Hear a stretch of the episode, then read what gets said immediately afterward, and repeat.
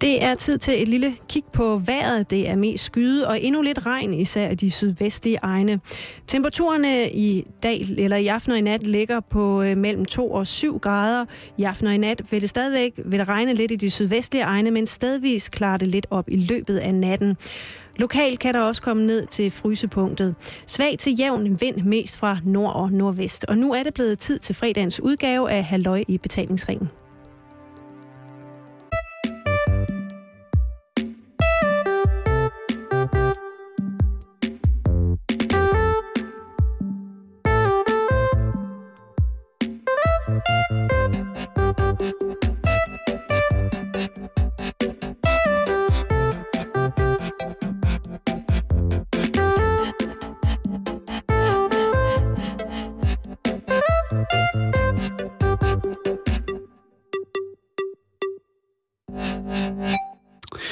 Fredag eftermiddag og rigtig hjertelig velkommen til øh, endnu en omgang af Halløj i betalingsringen her på Radio 24 Det er i dag en dag, hvor at, øh, vi skal snakke om alt fra frimærker til Gerard Depardieu igen.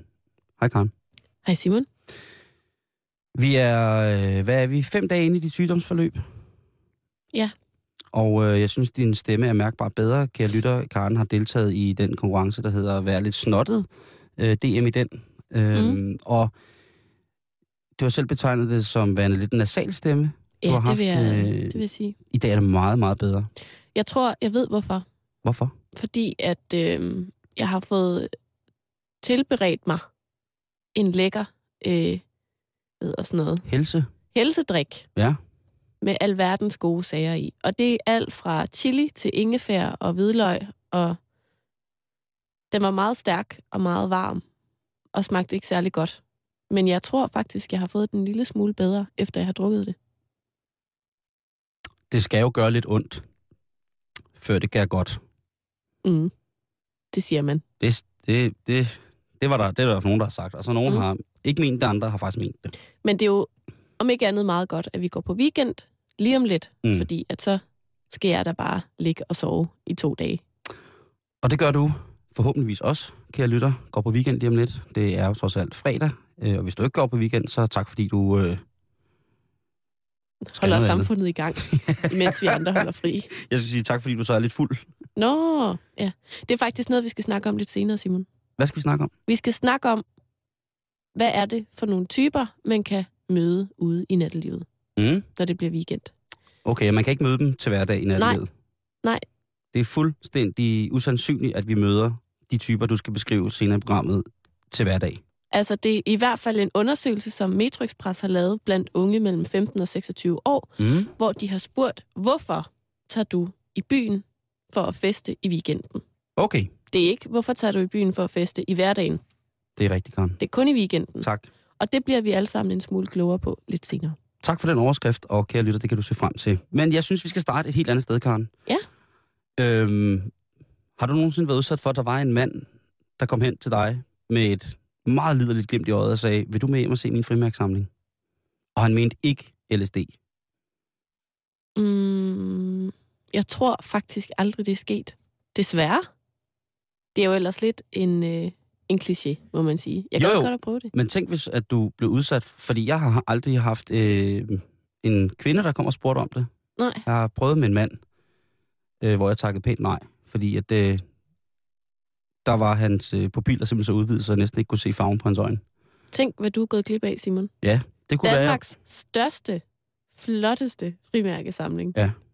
Som kun bliver vist frem én gang om året. Der fik du chancen. det gjorde jeg, men jeg tror desværre ikke, at det var det, han mente, Karen. Hvad Han- mente han så? Det ved jeg ikke, han givet mig en drink først, som hed, øh, den hed Hytten ved den brune flagstang. Havde han givet mig først en drink, der hed. Mm. Det var på et fint, øh, øh, hvad hedder det, en bar i København, hvor der så var sådan en, en stor drink, der hed det. Og så kom der en, en mand, som var kun iført undertrøje nede i cowboybukserne, øh, og spurgte, om jeg ville med hjem se hans frimærksamling. Jeg synes umiddelbart ikke, der er noget galt i at takke pænt ja. Nej, og han havde også en sød kæreste, Mm. så det har ikke været... Øh, og han så også rigtig sød, og han havde også undertrøjen nede i bukserne, cowboybukserne. Mm. Og øh, jeg tror også gerne, han ville være med til at have set på, at jeg fik vist ham her før nævnte fyrs frimærksamling. Ja. Men jeg tror ikke lige, det havde været mig. Nej, okay. Og jeg fik også fair ud, nok. ud af ham senere på aftenen. Det var slet ikke det, han mente. Mm-mm. Fordi hvis jeg siger 60 skilling svensk til dig, hvad siger du så? Og så var han helt på herrens mark. Ah, god test. Ikke? Ja. Jeg har faktisk øh, for rigtig, rigtig mange år siden haft en lille frimærkesamling. Har du det? Ja, men det var en stor passion, der varede cirka en måned. Jeg har samlet rigtig meget på frimærker, fordi det gjorde min morfar, og jeg arvede hele hans frimærkesamling. Mm. Og den øh, har jeg faktisk stadig. Må jeg se den? Det må du da gerne. Mm. Der er specielt nogle gode firebloks ark fra øh, 1950 med dronning Ingrid og kongen på. Nå. Som skulle være med samlet stempel, som skulle være faktisk ret mange penge værd. Mm. Men jeg beholder dem. Og en dag vil jeg give dem videre. Smukt. Men i det hele taget, Karen, frimærker efterhånden. Hvor mange gange om ugen bruger du frimærker? Øhm, det, det, det er sjovt, du spørger, fordi ja. at jeg har faktisk ja, oh, er lige... Hvis vi ser bort fra julebrev, Ja, fordi jeg har lige sendt julekort ud. ja, men det ved jeg godt. Øhm, men der brugte jeg ikke frimærker. Nej. Der brugte jeg mobilporto. Så moderne er jeg. Øhm, Gider du ikke forklare mig, hvad det er, for det ved jeg Jo. faktisk ikke. Det, det er mega smart, fordi det er ikke særlig mange steder, man kan købe frimærker længere. Mm-mm. Det er mega svært at få fat i, faktisk. Ja. Og, øhm, og jeg er lidt old school, når det kommer til sådan noget julekort. Jeg kan godt lide at sende et brev til min farmor og til venner og sådan noget. Dig selv. Jeg sender altid et til mig selv også. Øh, tak for et dejligt år, Karen. øhm, nej, Nu skal du høre noget spændende. det er lidt ligesom, når jeg skriver dagbog. Kære Karen, nu skal du høre. 2012. Wow, for et år. Sandhed været et stort år. Rigtig glædelig jul. og tillykke med det. Ja. Lige job. Undskyld. Nej, det er okay. Nej, men, oh, men så, så øh, fandt jeg jo ud af, at, øhm, at man behøver slet ikke at købe et, et frimærke, et du kan tage og føle på. Du kan faktisk sende en sms. Nu kan jeg ikke huske nummeret, men jeg tror, det er sådan noget øh, 1900, altså 1900. Ja, tak. Så sender du, hvor meget dit brev vejer, og om det skal være A- eller B-post. Altså, for eksempel, hvis jeg havde et brev på 50 gram, Mm. så skrev jeg 50 B. Mm. Og så får jeg en kode tilbage, som jeg kan skrive op i højre hjørne på mit, øh, på mit brev, på min konvolut, Mm. øh, som er noget med øh, PDK, og så øh, sådan skriver du under de der bogstaver ni tal i alt på en række af tre. Og så skriver du det, og så er det ligesom dit Ni frimærke. tal i A. Jamen, det lyder lidt... Det har jeg godt set, det lyder lidt. A trækker. Altså, du skriver PDK, så ved du, du skal skrive ni tal, og dem skriver du så på tre rækker af tre. Under, Altså, det vil sige under Post Danmark. under Post Danmark Okay. forkortelsen, ikke? Godt, så vil jeg gerne have lov til at bede om at gå ned og købe et helt almindeligt frimærke. Fordi det der, det lyder æderombøvlet. Men det er overhovedet ikke bøvlet. Du sender bare en sms, så får du en kode tilbage, som du skriver i hjørnet, og så øh, bliver øh, øh, portoen trukket over din mobilregning. Jeg synes, det er smart. Ja, ja. Det er ikke lige Det er så det. smukt som et flot, flot, flot frimærke. Nej, fordi for sådan nogle gamle røvhuller som mig, så er der jo en eller anden form for æstetik over at sende et brev med et frimærke på. Mm. Hvis jeg modtager et brev med et frimærke på, så tænker jeg tit, wow, der er blevet lagt kræfter i at gøre det her. Og slikke bag på det lille Og frimærke. sutte frimærket, altså at sutte papir og sætte det på papir. Ja. Jeg bliver, det er jeg oprindeligt glad for. Det bliver du imponeret over. Ja, det synes jeg. Ja. Også fordi, at jeg er jo sådan øh, en mand, som så i det der, den æstetiks lys, som jeg netop lige har snakket om, stadigvæk er forfalden til bare at skrive en mail. Ja. Og det er måske, det er ikke det samme, og specielt ikke for den ældre årgang. Mm-mm. Der er mange, der synes, øh, at der... Du ved, jeg overhørte en gang en diskussion med nogen, som havde... Og det var lidt unfair, fordi jeg sad på en café, og de sad ved bordet ved siden af, og de var fornærmet over, at der blevet udsendt en bryllupsinvitation på mail fra nogle af deres venner. Ja. Det kan jeg ikke for mit BCK, undskyld mig. Men, Nej, det kan det altså heller ikke for mig. men Karen, nu skal du høre her. De danske frimærker har altid haft nogle fantastiske motiver Mm. på mange punkter. Og nu er der kommet nok en af de mest mærkelige motiver på. Det er DR's børne- og ungdomsafdeling, som har solgt ud til postvæsenet, eller de har indgået en ny aftale. I de her recessionstider, Karen, jamen der skal man jo altså hele tiden finde på nye forretningskonstellationer for at kunne overleve. Mm. Og en af de ting er, at de har solgt bamse og kylling til frimærkerne. Nå, Ja, de har... Øh... Det er ikke noget, de har gjort for første gang. Altså, de gjorde det også i 2011, hvor at øh, Bruno Bamsen Ja. med Piratbamsen var Mm. på. Øhm, og nu er det altså den store gule bamse, som er klar. mm. Udover det, så er det altså også øh, Herr Tal, eller Herr Skæg hedder han. Mm. Herr Skæg med Tal, som er en mand med usandsynlig lang kropsbe- eller ansigtsbehåring. Jeg ved ikke, hvordan hans kropsbehåring ser ud, Simon. Men han har et meget Og det langt ved skæg. børnene forhåbentlig heller ikke overhovedet noget om. Nej. Man har et skæg, han kan træde i. Mm. Og det er det, som der skal sendes afsted nu. Derudover så vil øh, den 7. januar, så vil Post Danmark yderligere lancere fire særmærker. Og nu skal du holde fast, for nu bliver det satan ned med vildt. Mm. Det bliver med motivet af henholdsvis sild, torsk, skrubbe og en ål. Okay. Det er fisk fra vores lokale farvande. Der er blevet tænkt ud af boksen. Og jeg tænker bare, rent aldersmæssigt, Mm. Det falder mig naturligt, at det segment af mennesker, som stadig vælger at komme fysisk porto i form af et frimærke på deres forsendelser, er af måske en lidt ældre årgang.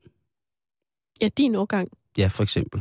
Mm. Der er måske nogen, der, der stadig kan det. Og de er måske tilbøjelige til at tænke, hvis man tænker over motivet på frimærket, jamen altså, det er da klart, jeg skal da have en torsk og en skrubbe på de her frimærker. Mm. Men jeg tror bare,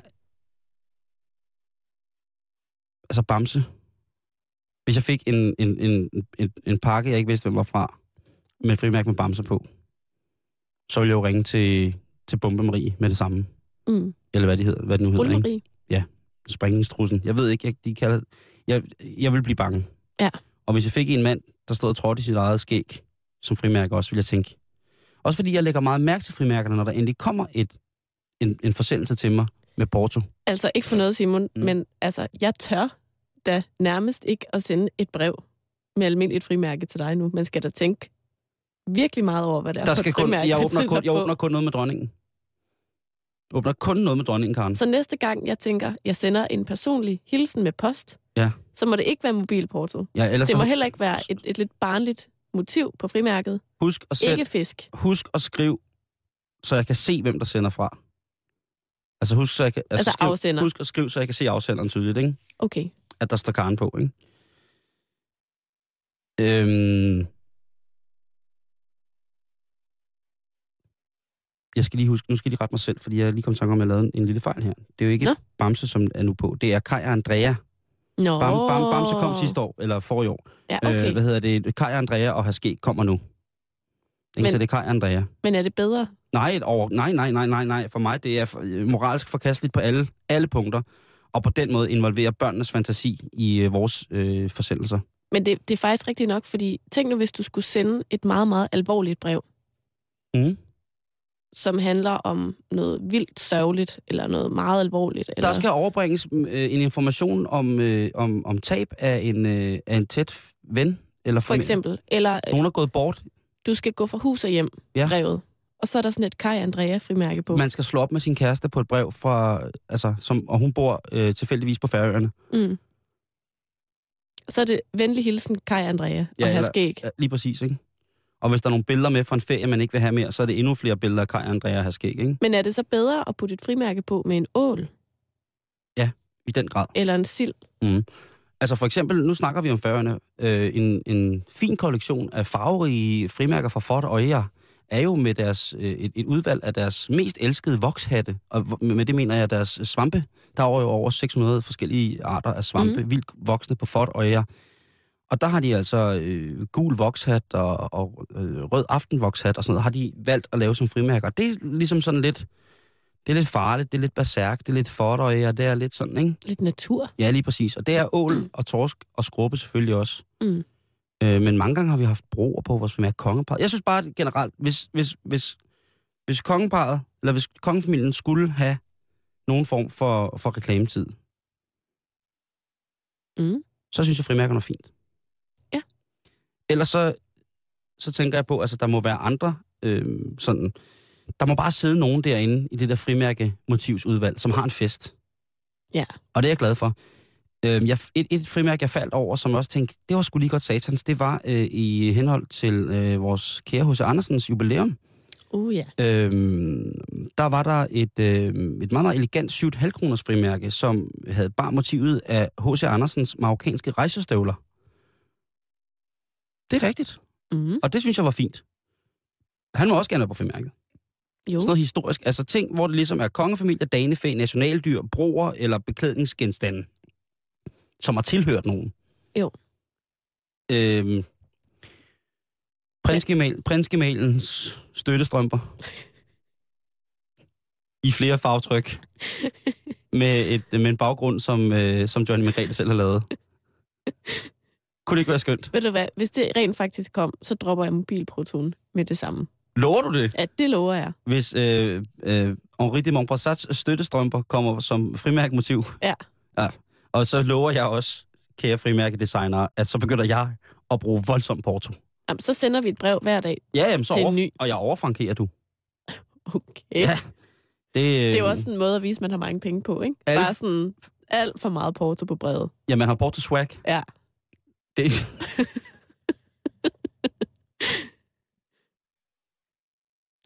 Bare fylde sådan en hel forside af konvolut. sådan et træ, et træ konvolut, fyldt med beklædningsgenstande, som Henri de Montbrassat har båret. Fra, fra kørehandsker til støttestrømper, til klap for øjet, til sixpence hat, Ja. til sandjolhat, til alt, alt, hvad prinsen har haft. Det synes jeg i virkeligheden, altså den kongelige garderobe som frimærkmotiver, det synes jeg kunne være, øh, Mm. være noget, som ville klæde øh, det danske forsælgelsessystem øh. Ja. en stor, stor del. Øhm, jeg har nogle forslag til nogle nye motiver, Karen. Ja. Bare lige inden vi hopper videre, så kan du sige plus eller minus. Ja. Stegt flæsk. Sådan en flot anrettet stykke stegt flæsk på, øh, med kartofler, persillesovs på Altså, noget musel. Nu siger jeg lige noget. Mm. Altså, det er jo ikke så lang tid siden, at øh, Post Danmark rent faktisk havde øh, smørbrød. Det ved jeg Tegnet godt. smørbrød som motiv, ikke? Så der kunne den måske godt have været med. Eller den. Ah, minus. Nu kommer vi igen ind på det. Prinsgemalens afdøde gravhund. Som et minde, som et kært minde. Ja, men skulle den være afbildet død, eller før den var død? Det må kunstneren selv bestemme. Okay. Kim Schumacher. Mm. Ah, minus. Det er fordi, han ikke er din generation. Ja, men det, jeg, kan ikke, jeg, kan ikke, jeg kan ikke forholde mig til. I fronter på det, mand. I skulle bare vide. Ja. En tartelet. Ah, mega plus. Et anti-knivkampagnefrimærke. Mega plus. En øh, stor kniv, og så et øh, nej, det må I ikke tegn henover. Ja. Og så øh, nej til natte, kniv i nattelivet. Mega god idé. En frimærkekampagne, som støtter. Mm. Det var bare lige det, jeg havde. Ej, det synes jeg er en rigtig god idé. Men øh, så, så husk, og, at mens tid er, nyd jeres frimærker. Ja. Og det er dem, øh, man kommer på breve, vi snakker om. Ja, Ja. præcis. Simon, Ja. du har jo en iPhone. Ja, det har jeg. En såkaldt smartphone. Ja, ja, bevares du godeste. Hvor meget tænker du over, hvordan du bruger den, når du er i selskab med andre mennesker? Der tænker jeg rigtig meget over. Prøv at fortælle. Jamen, øh, jeg gider ikke have den fremme, når jeg spiser. Nej. Jeg gider ikke have den fremme, når jeg sidder i biografen. Nej. Jeg gider ikke at sidde og tale i den i bussen. Nej. Øh, jeg gider til særdeles ikke at tale i den, når jeg cykler. Nej. Øh, jeg taler meget kort i den, når jeg går. Øh, det skal ikke ligge andre til last, øh, hvilke former for perfide øh, verbale situationer, jeg sætter andre mennesker i, i ren offentlig lys. Det synes jeg ikke er, er passende. Tænker du også over altså dem, du taler med? At, at øhm, når du siger for eksempel, at du ikke taler så meget i den, når du går, er det Mhm. fordi, at, at så kan det føles i den anden ende af røret, som om, at man lige er sådan et pauseindslag? Jeg vil i hvert fald aldrig ringe nogen op, mens jeg gik. Og hvis der er nogen, der ringer til mig, mens jeg går, så hvis jeg tager den, så siger jeg, prøv, jeg, jeg er lige på vej fra et sted til et andet, kan jeg ringe til dig, når Mm. at jeg finder et passende afluk. Jeg er stadigvæk telefonboksgenerationen, som man kan huske dengang, man stillede sig lidt afsides i en lille boks, og så stod man der og røg og snakkede i telefon.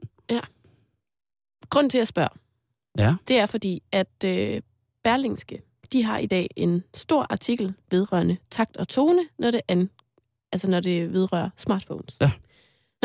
fordi rigtig meget tyder på, at, øh, at vi lige så stille er ved at udvikle en ny form for takt og tone, fordi at alle efterhånden er i besiddelse af sådan en smartphone. Og grunden til, at jeg siger smartphone, og ikke Mhm. bare en mobiltelefon. Det er Mhm. fordi, at øh, lige præcis den her undersøgelse handler om øh, telefoner, hvor der også er apps. Altså det vil sige, hvor du også kan være på Facebook, eller Instagram, eller Twitter. Tjek din mail, og så videre. Ja. Så det gælder ikke bare sms og opkald. Nej. Men der er folk, der mener, at smartphones det gør os til nogle uhøflige teknologitosser, og så er der nogen, der faktisk mener, at vi aldrig har været mere høflige, når det kommer til øh, kommunikation, end vi er lige nu. Okay. Er det noget, du har en fornemmelse af? Jeg har en fornemmelse af, at øh, folk for eksempel med sms'erne er blevet... Altså, at man har sådan to sprog. Man har det sprog, vi to snakker sammen, Mm. og så har vi vores skrevne sms-sprog. Mm. Øh, jeg lægger meget mærke til, når jeg for eksempel læser aviser, eller når jeg læser øh, blogs skrevet af unge mennesker, at de skriver meget mere, som de taler. De, de, de vil ikke nødvendigvis være grammatiske korrekte. Sådan som man, hvis man skulle konstruere en, en rigtig sætning, ikke? Mhm. Øhm, og at man ligesom ind, at man indeholder alle de der former for grammatiske korrektheder. Mhm. Men at man meget mere snakker, som man taler. Altså så, at kommaer ikke er og-kommaer, men kommaer er værtrækningskommaer i, mm. i Mhm. højere grad. Og det er, synes jeg er så befriende. Jeg synes, det er fantastisk. Jeg er meget, meget stor tilhænger af at læse ting, som er grammatisk korrekt sammen, men jeg synes altså også, at det, det, at det er fantastisk, at, de taler mere som, at folk taler mere, som de skriver. Og så er der det der det helt andet med, at sms'en giver os en mulighed for at holde afstand Mm. og vægte sine ord og sætninger utrolig meget, hvilket jo tit gør, at ret alvorlige situationer enten bliver optrappet eller afværget via sms, fordi man vælger at kunne være så præcis og klar i spyttet, som man måske ikke ville være, hvis det var, man bare talte sammen i telefon. Mm. Derudover så synes jeg jo, der er en, en, en anden tendens, som er til, at hvis man ikke har snakket grimt hele livet, ligesom mig, øh, begynder at snakke grimmere, når man sms'er til hinanden. Nå. Øhm, jeg er jo næsten helt holdt op med at bruge bogstaver i min sms -karen. Jeg har jo fået noget helt nyt, der hedder icons. Emoticons Hedder det det? retter ungdomskaren der lige. Altså, hvor du kan lave små smiley'er og små Jeg, dyr. øh, Og... jeg sender tit en stor, øh, en, en, en, en, et icon med en øh, skinke, et bagt hvidløg og en lort. Hvad skriver du så? Jeg skriver ikke noget. Nå, men jeg tænkte bare, om det var en rebus. Nej,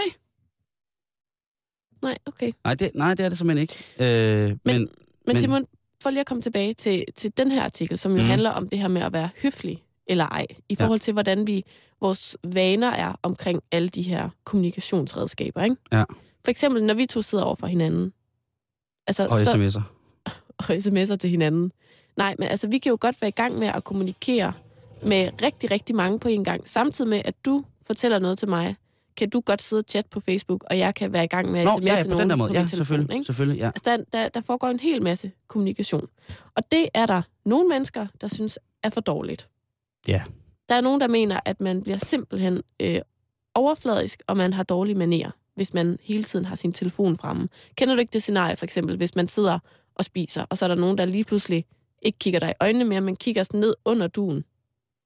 Jo, jo. Og så er det, fordi de sidder og sms'er og man under ved, bordet, at der ikke er en hund til stede. og man tænker, tag nu bare den telefon op på bordet og vis, at det er det, du laver. Mm. Fordi du hører alligevel ikke efter mere. Præcis. Det er så fucking irriterende. Ja. Ej, hvor... Og, og hvis man ser det ud fra sådan et klassisk høflighedsperspektiv, Mm. jamen jo, så er det meget uhøfligt, og så er det dårlige manerer. Fordi at den her smartphone, den udfordrer vores ansigt til ansigt Kommunikation. kommunikation. Ja. Jamen, det er fuldstændig Er du med? rigtigt. Jeg er fuldstændig med, og jeg er også til, tilbøjelig øh, til at være tilpas gammel nok til at sige, at jeg synes, den Mhm. der telefon med middagsbordet, ikke? Ja. Med mindre det drejer sig om, øh, om mig. Nej, med mindre det drejer sig om øh, altså noget helt fuldstændig absurd, Mm. hvor man alligevel ikke vil være i stand til at spise aftensmad. Så skal man bare smide den der telefon af helvede. Jeg har jo den regel, at når jeg kommer hjem med min telefon, så lægger jeg den inde på stuebordet, og der bliver den liggende. Sådan så det ligesom er i gamle dage, at man havde sin telefon et sted. Altså går du der ind i stuen, hvis den ringer? Ja. Okay. Nej, jeg løber og siger, jeg tager den, jeg tager den! Kan du huske det? Jo. Øh, nej, det gør jeg ikke, men, men det er faktisk rigtig, rigtig rart. Men det er også noget, som folk, der ikke kender mig, kan blive utrolig fornærmet over. Mm. At man ikke er disponibel hele tiden for Jamen, det er jo kommunikation. Og det skal man ikke være. Man skal ikke være disponibel for kommunikation hele tiden, medmindre du er på arbejde og får lov til at gå hjem og spise aftensmad som tilkaldvagt eller læge eller sådan noget, så må du selvfølgelig gerne. Men ellers så synes jeg, det er øh, absurd dårlig stil. Jeg glædes jo i min, øh, i min alderdom over, at, at der er mange restauranter, som efterhånden forbyder mobiltelefoner på deres restauranter. Mm. Ja. I hvert fald, så skulle man måske umiddelbart tro, at den der gamle, gode takt og tone, Emma Gadsk, at den er død. Mm. Men Simon, med så meget andet, så er der ligesom genopstået ud af asken på den her gamle takt og tone. Fugl Phoenix? Fugl Phoenix. Åh, oh, God. Og en ny måde at være høflig på. Det er Oh. der i hvert fald nogle forskere, der mener i Ja. den her artikel. Øhm, de siger, at vi faktisk er blevet tvunget til ligesom at udvikle nye høflighedsformer. Det vi som samfund er i gang med lige nu, er så bare ligesom at finde et eller andet fælles værdisæt, hvad det angår. Fordi at, at vi stadig har meget forskellige holdning til, hvad der er høfligt og uhøfligt. Men et punkt, øhm, øh, som, som jeg sagde i starten, er der også nogen, der mener, at vi faktisk er blevet mere høflige, end vi var før. Og et punkt, man kan se det på, det er for eksempel, at øhm, når, når, når du så alligevel sidder og er til rådighed med din smartphone, ikke? Mm. at så, så tager vi telefonen, selvom vi sidder over for hinanden, og så går man lige væk, og så siger man, kan du ikke lige ringe tilbage om en time? Og på den Og så måde. sætter man sig ned igen. Ja, det er du i hvert fald god til. Jeg tager jo tit, når vi sidder på kontoret, så er jeg jo på arbejde, så tager jeg jo telefonen, når den ringer. Jeg går ikke væk. Du er meget god til at lige at gå væk, når du, når du ringer eller tager ja. telefonen. Der sidder jeg altså ved... Øhm, og det kan vi altså rent kontorpolitisk, det må du da også gerne gøre. Nå, jamen, jeg- det skal jeg nok sige til. Men, men, men der er nemlig en dobbelt høflighed i det. Okay, Der er både det, at man lige går afsides, når telefonen ringer, så man tager hensyn til de mennesker, der omringer en, når man uh, tager telefonen. og så er der også selve hensynet, at man rent faktisk svarer, når der er nogen, der ringer, og siger, jeg ringer tilbage om en time. Ja. For man kunne i princippet lige så godt bare lade telefonen ringe, og lade være at tage den. Jamen, det er i sandhed rigtigt, ja. Så der opstår faktisk sådan en dobbelt høflighed. Som vi lige så stille er ved at udvikle. Så det er meget interessant. ja så er måske faktisk- er faktisk det ikke så uhøfligt. Og måske skal vi bare acceptere, at det her vanvittige kommunikationssamfund, at det ligesom bare udvikler sig mere og mere i retning af, at vi jo mere eller mindre er til rådighed alle døgnets 24 timer. Jeg har faktisk overvejet et lille modtræk til det, og det er at anskaffe mig en klokradio. Fordi jeg bruger jo min telefon som vækkeur. Ja. Og det betyder, at den ligger ved siden af mig hele tiden. Og det, Nu siger du, anskaf dig en. Hvor, er, er det nogensinde gået imod? nej nej, jeg har bare tænkt på at købe en. Altså nu, jeg taler jo udelukkende for mig selv nu, men jeg har jo altid, lige siden jeg fik min første mobiltelefon, brugt den som alarm til at komme op om morgenen. Mm. Og nu overvejer jeg at simpelthen at gøre ligesom dig, og lægge den ind i stuen, og så have en klokradio. Mm. Eller et vækkeur. Jeg tænker Ja, ja, jeg bare, at det er lækkert at vågne op til Jeg har et P4 vækkeur med eller radio i. Ja. Nej, Øhm, det kan jeg ikke anbefale dig. Nej. Så kommer man op i en fart. Nej. Så, så undgår man også at gøre ting med sin telefon i søvne, som at tjekke Facebook og Ja. tage billeder og ringe til sin storebror klokken halv tolv om natten og Lige sådan nogle ting. Ikke? Jamen det, øh, jeg kan varmt anbefale det der vækkeur. Det er faktisk rigtig hyggeligt. Mm. Øh, specielt efter jeg her med mit nytårsforsæt har sagt, at jeg gerne vil have bedre tid om morgenen. Ja. Det er faktisk hyggeligt at stå op om morgenen, og så blive vækket væk ud, og så stå op og spise morgen. Det, det er meget gammelt, men det er ret rart. Simon, der er lige sådan nogle øh, faktaer omkring øh, god og dårlig tone, når det kommer til mobil høflighed. Ja. Og jeg tænker, at øh, jeg lige vil læse højt, hvad der er mobil uhøflighed, Gider du ikke nok? hvis man skulle være i tvivl. Så kan man Jo. lige gå på weekend med den, ikke? Jo, det synes jeg vil være rimeligt. Nummer et. Det er uhøfligt, hvis man starter en ny samtale over telefonen, mens man har en samtale ansigt til ansigt, hvis man ikke har informeret samtalepartneren om, at man er nødt til det. Nemlig, ja. Det er helt sikkert, det der. Nummer to. Tager man telefonen under en samtale ansigt til ansigt, er det uhøfligt, hvis man gør det uden at give ens samtalepartner besked inden da. Jamen, det er korrekt. Nummer tre. Hvis man tager telefonen, mens man har en samtale med en, der har højere status end en selv, for eksempel ens chef eller underviser, bliver det ofte betragtet som uhøfligt. Jamen, det er også helt sikkert, det der, Karen. Ja. Det er helt sikkert. Vil du lige have tre om mobil høflighed også? Nemlig, ja Du tak. får dem lige her. Nummer et. Vi tilpasser kommunikationsformen til situationen. Folk har fundet ud af, at sms'er er langt mere diskrete end opkald, og derfor bruger vi dem, når situationen ikke tillader mundtlig samtale. Mm-hmm. Nummer to. Vi har vendet os til at undskylde over for vores samtalepartner, hvis vi bliver nødt til at afbryde samtalen og tage et opkald. Lige et øjeblik er blevet en fast vending. Nummer 3. Vi giver hinanden plads til at afbryde en ansigt-til-ansigt-samtale til fordel for, for indgående opkald, sms'er eller e-mails, fordi det er uhøfligt ikke at svare dem, hvis de er vigtige. Ja. Så hvis du får en sms, hvor der står, skal jeg købe den her bil? Mm. Som kunne være en vigtig sms, jeg fik. Ja. I et andet liv.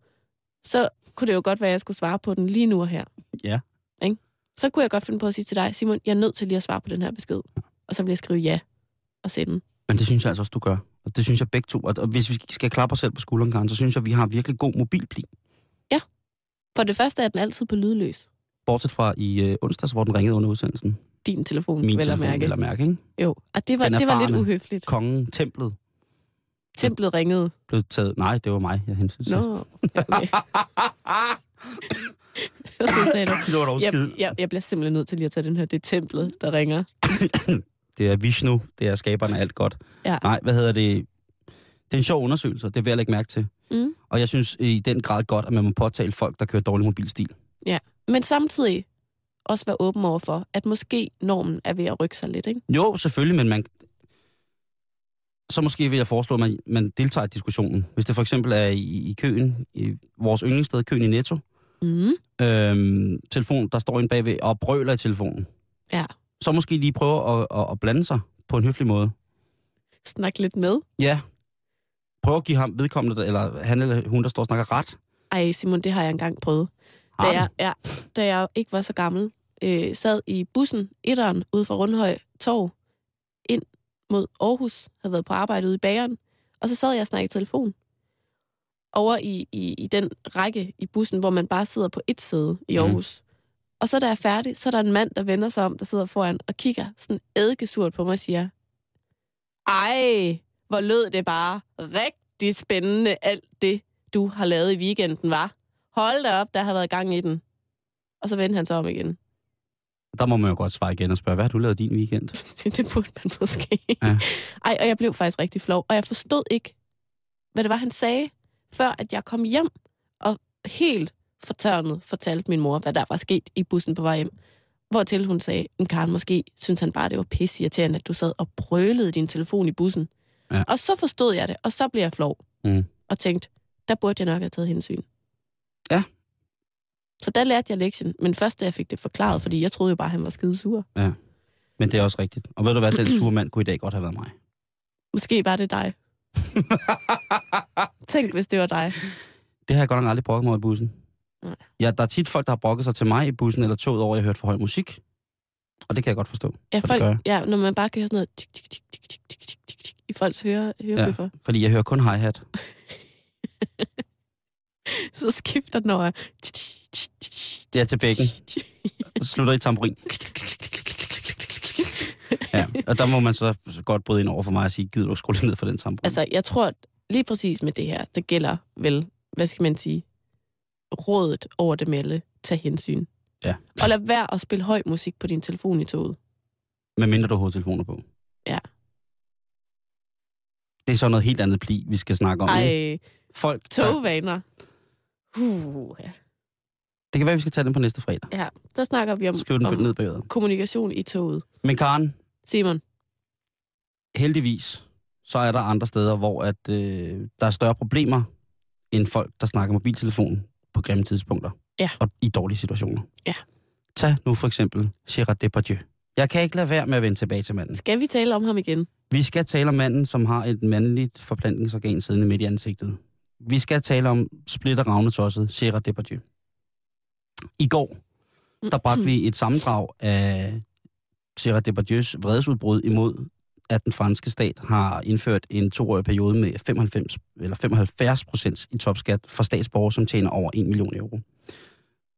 Og Gérard Depardieu, hvis man ikke ved, hvem han er, så hvis man har set Kilden i Provence, eller hvis man har set, øh, hvad hedder det, Cyrano de Bergerac, øh, hvis man har set, øh, jamen han har lavet utrolig mange film, ikke? Øh, mm. Og er sådan et skuespiller i Frankrig. Jamen, han er, han er en fantastisk skuespiller. Ja, det, må, det kan man ikke rigtig... Øh. Men han er også en business mind. Og han er en business mind i så stor en grad, at han jo er medejer af alt fra teleselskaber til øh, store hotelkæder, til restauranter, til så fremdeles. Mm. Og han har altså det sidste stykke tid været rasende over den her øh, indføring af en toårig periode med det, der hedder superskat. Han har været så sur, at han i forskellige øh, franske aviser, Le Parisien blandt andet, øh, Le Monde, har, har udtalt sig i et åbent brev til øh, Arno, hvad hedder det, statsministeren, den, den socialistiske øh, statsminister, at han er uden tvivl historiens mest fornærmet franskmand. Aldrig er en franskmand blevet fornærmet så groft som han. Det har, øh, den her toårige periode har jo gjort, at manden, han, øh, at mange store forretnings, franske forretningsmænd har valgt at flytte deres øh, bopæl, skifte deres statsborgerskab ud med for eksempel et belgisk statsborgerskab, Mm-hmm. et engelsk statsborgerskab. Og nu siger Depardieu, prisen over den alle, han bliver russer. Jeg så det godt. Gerard Depardieu er nu officielt indehaver af et russisk pas, hvor at der er en flad indkomstskat på 13 procent, uanset hvem, hvor meget og hvad du har slået ihjel. Det er, hvad hedder det, franskmændene jo faktisk ret delt over, at en mand har gjort det på den her måde. Der er mange af hans skuespillerkollegaer, som har, altså, er rasende. Ja. De skælder ham ud, og de spørger, hvad fanden han er gang i. Og kalder ham en forræder. Øhm, og de spørger ham ligesom om, hvad, hvad vil du have? Hvad vil du så, hvad vil du have, før du kommer tilbage? Hvad, hvad skal du have mere end os andre, før du kommer tilbage? Skal du have flere penge? Skal du have en speciel stat for dig selv? Skal du have en... Og en af dem, jeg tror, der har gjort rigtig ondt, øh, det er, skal du have en æres César for at komme tilbage? Gerard Depardieu er en af de franske skuespillere, der har vundet franskmændenes svar på Bodillen allerflest gange, tror jeg, ikke? Mm. César-prisen. Skal du have en, altså, der er en af hans skuespillerkollegaer, som skriver, skal du have en æres César-pris for at stille dig op og være et godt eksempel? Mm. Så er der andre skuespillere, som siger, ved hvad, det er, det kan vi egentlig godt forstå. Men lad nu være med at svære manden til, fordi han siger sin mening for en gang skyld. Mm.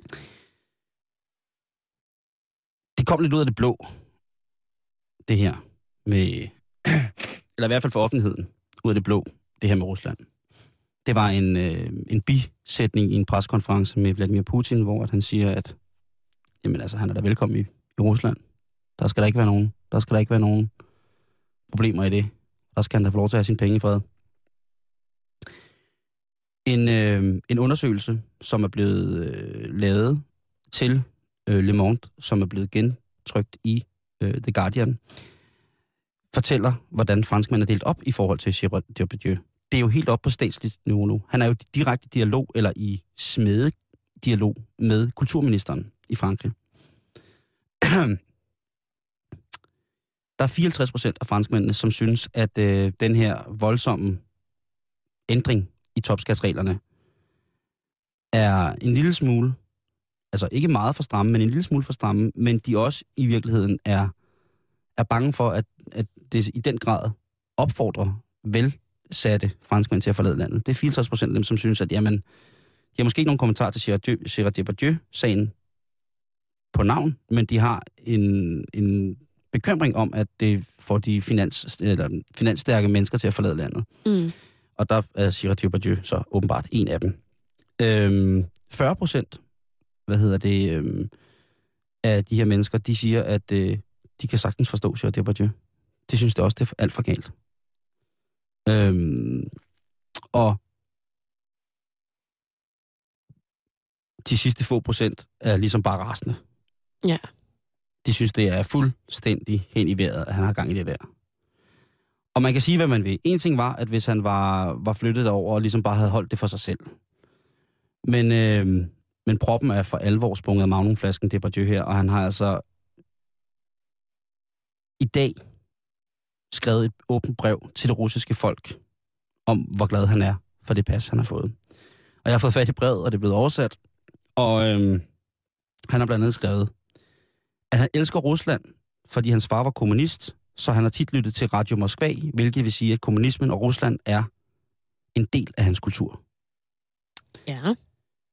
Han beskriver også, hvor meget han faktisk elsker Vladimir, og hvor meget han ved, at Vladimir elsker ham. Vi snakker altså om Putin. Du godeste. Så hylder han ydermere forfatterne, af det russiske kommunistiske regime, skuespillerne og filmkunsten, også fra den tid. Ikke så meget den nye tid. Det er meget sådan nogle gamle ting, han hylder. Mm. Og så slutter han af, han laver, også, laver et digt, altså han er helt vild. Altså så slutter han også af, øh, han slutter af med den her lille sætning. At i din storhed, og din, der tillægges ordet, Mother Russia, Yes. at i din stor, storhed føler jeg mig aldrig alene. Tak, Gérard Depardieu. Det er sådan, brevet slutter. Jamen, altså, han er jo fået storhedsvenlig. Han er jo manden, som så i den kampagne så også øh, offentligt har stillet sig op og hyldet øh, Ramzan Kadyrov, som jo er Tjetjeniens øh, militærleder, eller diktator, vil jeg jo nok våge på, på, påstå at kalde ham. Og så tænker man, Tjetjenien, hvad er nu det? Man hører tit om kampe i Tjetjenien, når man hører. Og det har altså noget at gøre med, at øh, Ramzan Kadyrov, han er på god, god fod med Vladimir Putin. Mm. Og han har siden et meget, meget tvivlsomt valg i 2007, tror jeg det var, begyndt at rydde op i det her Tjetjenien. Ja. Øh, Kadyrov, han er det, han kalder øh, vokset op i bjergene. Han er bjergfolket fra Tjetjenien. Og det er det, han har ligesom slået meget på og så krævet tilbage. Derudover så er han så af næsten samtlige menneskerettighedsorganisationer i verden blevet pålagt skyld for øh, mor på systemkritikere, på mm. folk, der har ytret sig grimt på kulturelle måder, på andre former for, for kunstneriske måder, for at lukke dem ned. Og man taler ikke åbenlyst om kritik, negativ kritik af regimet øh, for Ramsan. Men der er på et tidspunkt, der findes et filmklip, hvor Gerard Depardieu altså står og råber, at han hylder ham her, ikke? Fin fyr. Fin fyr. Og så for lige at sætte, øh, sætte øh, et billede op på, hvem Ramzan Kadyrov er, så er Ramzan bosat uden for Grozny, som er hovedstaden i Tjetjenien. Der er en, på sådan en kæmpe stor flad slette midt ud af ingenting, der rejser der sig sådan et bjerg af en fæstning, og der bor han inde. Og der har han altså faciliteter så som øh, nok en af Ruslands største kunstige vandfald. Han har øh, faciliteter til at udøve næsten alle former for banesport. Amerikanske banesportsgrene, altså baseball, basketball, sådan nogle ting og sager. Super. Og så har han en kæmpe samling af de største og mest troede kattedyr i verden. Fordi det er en af de ting, han offentligt har sagt, han elsker katte, for de bliver ved deres herre, når man optræner dem ordentligt. Hvor er... Altså, findes han i virkeligheden? Ja, han findes, i findes virkeligheden. det der? Det findes i virkeligheden. Det er ikke en dårlig film fra 80'erne. Gå ind og søg, også dig, kære lytter, på Ramson Kadyrov, og se, hvad der kommer frem af mystiske ting omkring den her mand. I 2008 tror jeg faktisk, han var blevet, blevet sat til dørs af forskellige nationale presse, øh, pressebyråer, fordi at han efter sine skulle have slået en systemkritiker ihjel. De havde bortført hende på åben gade, og så var hun dukket op øh, dræbt senere på dagen. Og sådan har der været utallige historier omkring systemkritikere, ikke kun i Tjetjenien, men også folk med tjetjensk baggrund, der i udlandet har kritiseret tilbage på landets tilstand, efter at øh, Kadyrov er kommet til. De er også lige pludselig forsvundet eller dukket op døde. Og ham der er simpelthen bare bonkammerater med Vladimir. Gerard Depardieu. Og nu også med Vladimir, ikke? Eller, ja, og nu også med, Sikke en trio. Ja, er det ikke dejligt? Øhm, jeg kan sige, at øh, hvis man søger sådan lidt på, på ham her, Kadyrov, så øh, øh, hans motto i forhold til ikke at indordne sig under hans styre, eller ikke være med i det nye demokratiske Tjetjenien, det lyder så fremdeles. Når man åbenlyst prøver at forkludre vores nye land, vores nye fred med våben, bliver man straffet som det tjetjenske bjergfolk. Bliver man straffet på den måde, som tjetjenske bjergfolk altid har straffet på, uden noget. Det har han selv sagt. Så jeg har kun én ting at sige, og Karen, og det er, god weekend, Gerard. Bisou. Ja. Mon ami. Tillykke til Bon Rusland. Ja. Øh, Ej, hvor er det vildt, altså. og jeg tænker jo, der er sikkert mange af de der, for eksempel øh, Bernard Arnault, som er, er fransk rigmand, som er flyttet til Belgien. Jeg tænker jo, når de her to år med topskat er, er ude, så er der jo sikkert nogen, der flytter tilbage. Og det vil være nemt for, nemmere for nogen end andre. Jeg tænker, Gérard Depardieu, han får jo ikke lov til at flytte tilbage til Frankrig. Han får jo ikke lov til at kalde sig sta- fransk statsborger igen. Tror du det? Det, det tror jeg kommer an på, om, øh, om det er fordi, at han tilbyder at betale en masse penge i skat. Jo, men en mand, der er så business mind, han, Ja. går jo ikke, han rykker jo ikke hele sin butik op Tænk på, hvor mange franskmænd han har lavet forretning med, som nu vil stå og tænke, Mm. han er ikke nationalist, han er skør, han er kukuk, han er Men- blevet engelsk. Men det kan jo være, at, at det lige pludselig går op for ham. At han alligevel er lidt mere fransk, end han er russisk. Men Karen, Og så tænker han, øhm, ej, jeg vil gerne tilbage. Jeg betaler 80% i super duper skat. Så tror jeg godt, de vil tage ham tilbage. Men ellers ikke. men det er bare fordi, du er så håbløst romantisk, Karen. Jeg ved det godt. Jeg tror på det bedste i alle mennesker. Også i pigface. Jeg må indrømme, at han, han, er, han er ved at ryge ud. Jeg synes man kan- man kan ikke kontrollere det er for mere. det der. Man kan ikke kontrollere det mere. Nej. Men det er status på Gérard Depardieu øh, nu. Den russiske skuespiller Gérard Depardieu. Hvordan skal man udtale hans navn nu? Gerard Depardieu. Э, Меня зовут Gerard Depardieu. Как тебя зовут? Det lyder også meget bedre. Ja. Gerard Depardieu. Gerard. Det skal vi huske fra nu af, hvis han kommer med i vores program igen. Han hedder ikke Girard, han hedder Gerard. Gerard Depardieu. Ja. Да. Пожалуйста. Og nu til noget andet, Simon. Ja. Som lovet, så skal vi se lidt på, hvem det er, du kan møde, hvis du, kære lytter, eller dig, Simon, skal ud og male byen rød i byen i aften. Jamen, hvem ved, Karen? Ja. Kom med det. Metro Jeg Express har skal lige lavet rejse mig en... Øh... Hvad sker der dog? Skulle lige have vindebroen ned. Så, nu er jeg klar. Okay. Opinion har for øh, det kriminalpræventive råd spurgt unge danskere mellem 15 og 26 år, hvorfor de egentlig fester løs i weekenden. Lad du mærke til unge? Ja, jeg er stadig med. Lidt endnu. Synes du ikke, jeg er ung? Jo. Karen, du er både ung og smuk. Åh, hold op. Nå, videre. Ja, og de har kigget lidt på, øh, hvorfor de unge egentlig skal i byen i aften. Ja. Det, det er jo et spørgsmål, man stiller sig selv fredag efter fredag. Hvad vil de derude? Det er der nu lavet en undersøgelse om. Ja. Og øh, Simon, jeg kan afsløre, at nu er den lige lagt sammen, mænd og kvinder her. Drenge og piger. Ja. Og jeg har lidt på fornemmelsen, at man må, altså, man må gerne sætte flere krydser i den her undersøgelse, ellers så går den ikke op. Okay, jamen, det er Så du skal ikke blive forvirret, når Nej. vi lige om lidt overstiger samlet 100 procent. Nej, okay. 91 procent er ifølge dem selv typen, der tager i byen for at hygge sig. De skal bare ud og hygge sig, Okay. så derfor tager de i byen. Helt sikkert, helt sikkert. 37 procent af de adspurgte mellem 15 og 26, kun 37 procent, mener, at de er typen, der tager i byen for at drikke sig fulde. Hvad er det for en undersøgelse? 37 procent, Simon. Ja. Er der nogen her, der lyver lidt over for dem selv? Det tror jeg måske nok lidt, der er. Men så igen kan man diskutere, tager man i byen for at blive stiv, for at hygge sig? Eller tager man i byen for at hygge sig, og så bliver man måske stiv? Altså, jeg kan ikke helt finde ud af, om det er sådan, jeg tager i byen for at bare drikke mig ned. Men det, altså, jeg, jeg synes jo, problemet er, at de er skilt ad. For man kan jo også drikke sig stiv derhjemme. Ja, man kan da også drikke sig stiv og hygge sig samtidig. Jamen, den er, den er lidt svær. Ja, den er lidt... Men jeg, At jeg, læse, ikke? jeg, jeg, har, jeg har, ja, stanjolhatten på. Ja, men det er jo også fredag. Det er det nemlig. 23 procent af de adspurgte synes selv, at de er typen, der tager i byen for at score. Den tror, den tror jeg godt på. Det er kun derfor, de tager i byen. Og så også lidt for at hygge sig. Fordi det er jo ikke hyggeligt at score.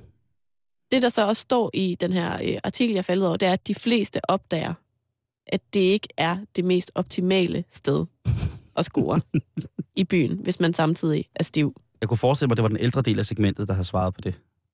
Det tror jeg ikke. Nå. Ej, altså det der med at tage i byen, jeg skal bare ud og score i aften, det, Mm. det er da hele vejen rundt. Er det ikke det? Oh, Det er da også de unge. Dengang jeg gik i byen, Karen, Lad mig høre. der dansede vi jo jitterbug og lindy hop. Og hørte beatmusik, eller kaldet pigtråd, elektrificeret af både elbass, guitarer og guitarer, høj tromme og skrigende sang, og stampen i gulvet med bukser med pressefolder og blank poleret laksko, Karen. Det var det, vi gjorde, dengang jeg gik i byen. Ja. Jeg kan afsløre for dig, Simon, at det er også langt flere drenge end piger, der tager i byen for at score. Det tror jeg ikke på. Jeg synes, det er sådan en meget målrettet mission. Er det så alt, der har en puls, der går an? Der står Jeg jo ikke, jeg tager i byen for at score en sød pige eller en flot dam. Det er bare sådan alt. Ja, ja. Det er, øh, men det er øh, og bare at få, få noget kærlighed, ikke? Få et kram. Et lille møs. Jeg har venner, som vil mene, de har scoret, når de er blevet krammet. Ja. Måske har jeg selv. Det skal ikke kun sige mig. Var det et frivilligt kram, eller Øhm, havde det en puls? det er jeg faktisk ikke sikker på, Karen. Simon, 1% af de adspurgte mener selv, at de er typen, der simpelthen tager i byen for at slås. Undskyld, undskyld hvor mange? 1%. Har de snakket med Anne-Grethe Bjarup-Ries? Måske. 1 procent.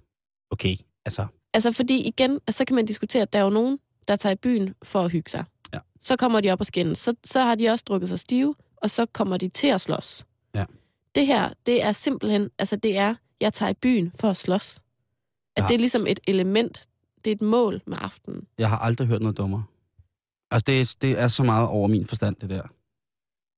Det er simpelthen ikke klog nok til at forstå det der. Det er så rådent.